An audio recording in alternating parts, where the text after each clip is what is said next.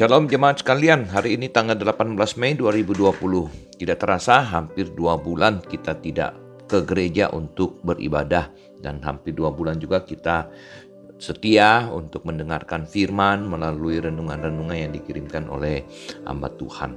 Setelah hari ini kita akan sama-sama melihat dan mempelajari akan kebenaran firman melalui kitab Mazmur, nomor yang ke-73. Mazmur nomor 73 yang saya akan berikan tema Tuhan adalah bagianku selama-lamanya.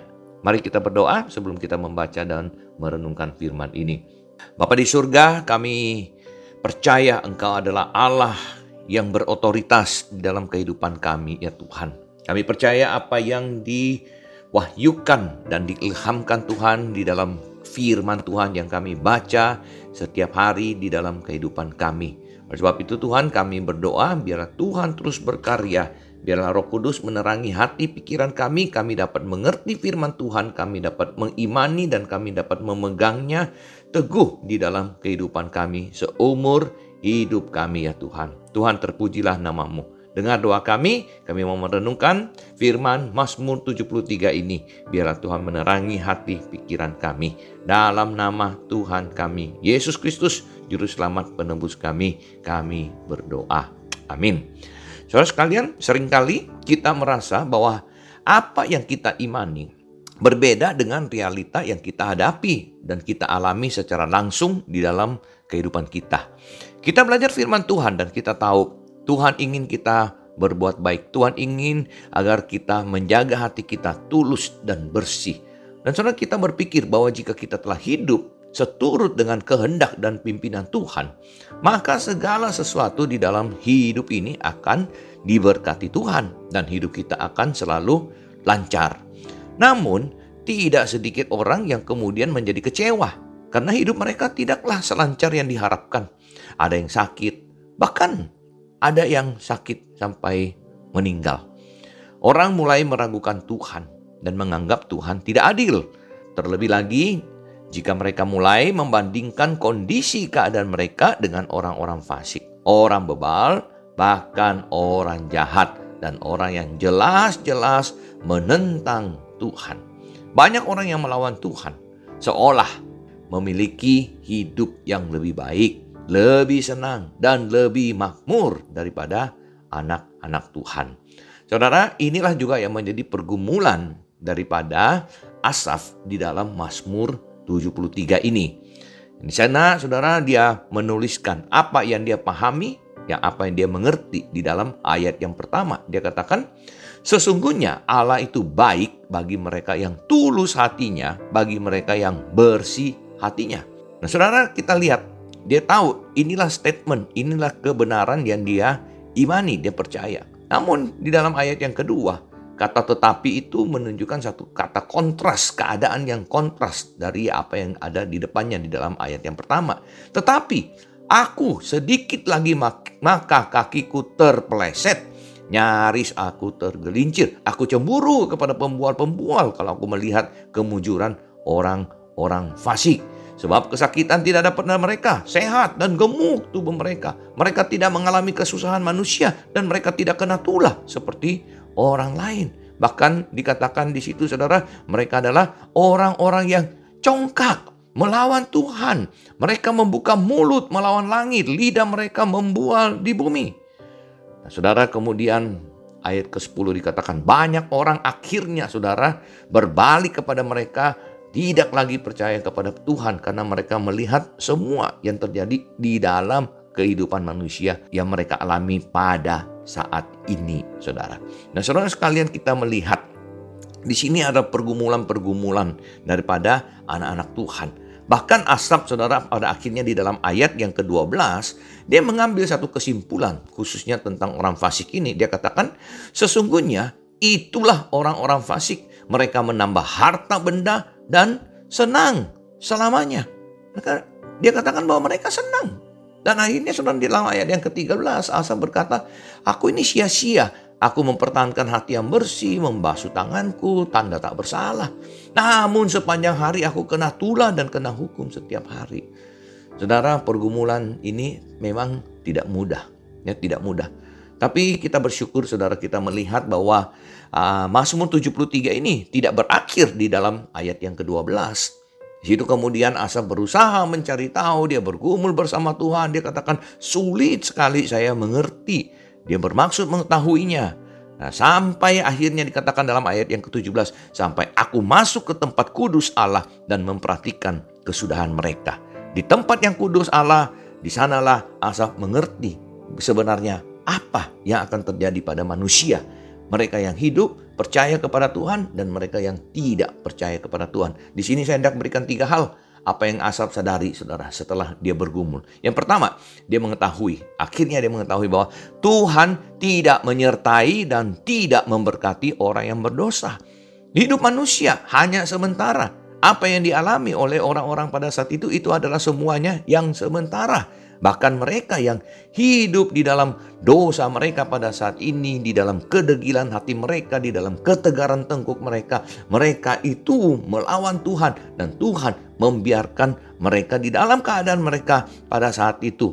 Tuhan bukanlah memberkati dan menyertai mereka. Yang kedua, saudara di sini Asaf juga menyadari bahwa Tuhan tidak pernah meninggalkan mereka yang terus bergumul dan bergumul bersama Tuhan.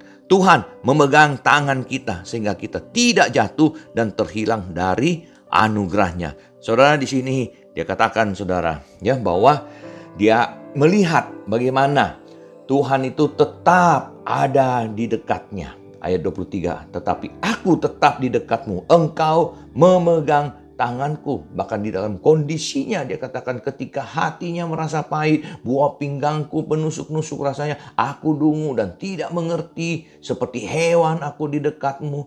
Tapi Tuhan tidak pernah meninggalkannya. Ayat 24 dia katakan, dengan nasihatmu engkau menuntun aku. Dan kemudian engkau mengangkat aku ke dalam kemuliaan. Dan dengan statement ini, saudara, dengan satu pengertian yang baru ini, Asaf berkata, siapa gerangan ada padaku selain di sorga?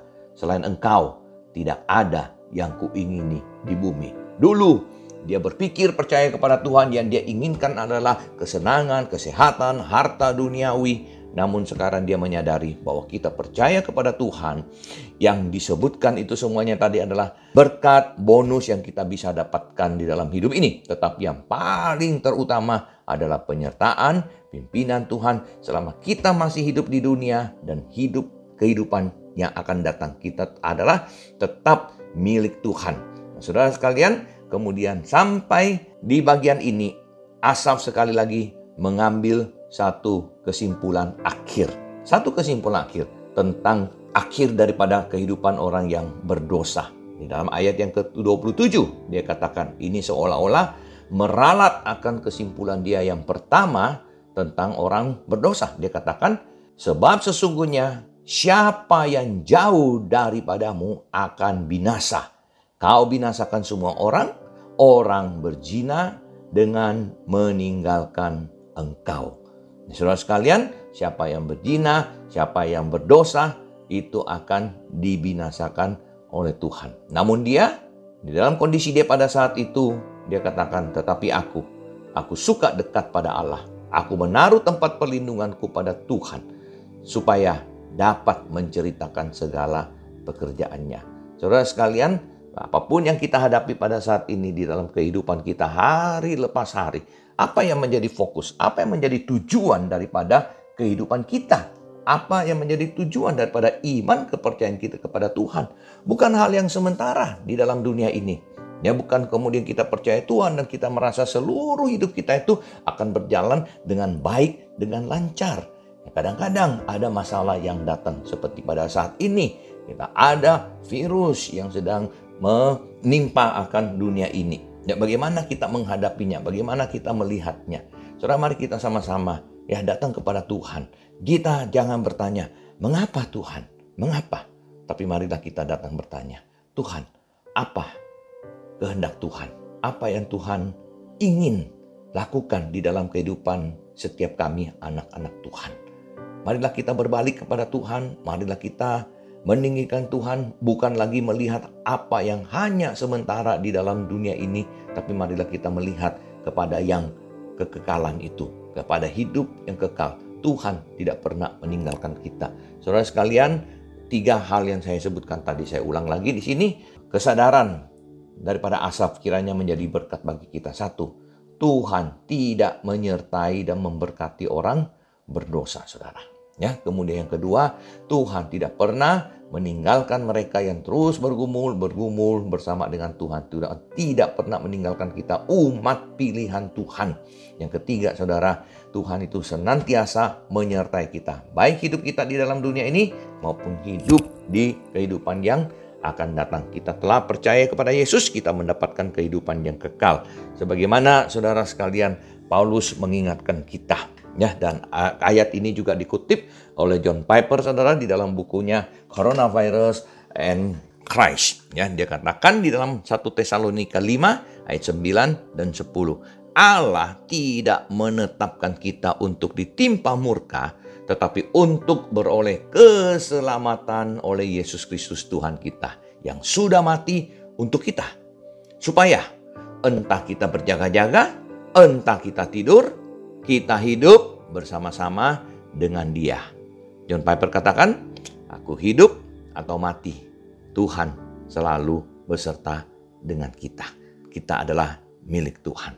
Saudara, mari pergumulan apa pun yang kita hadapi hari ini, iman kita, kepercayaan kita jangan pernah digoyahkan oleh kondisi kita di dalam hari lepas hari. Tapi biarlah kita tahu apa yang kita pegang, apa yang kita imani, dan kehidupan yang akan datang, kehidupan yang kekal itu jauh lebih berarti, saudara, daripada kehidupan yang sementara di dunia ini.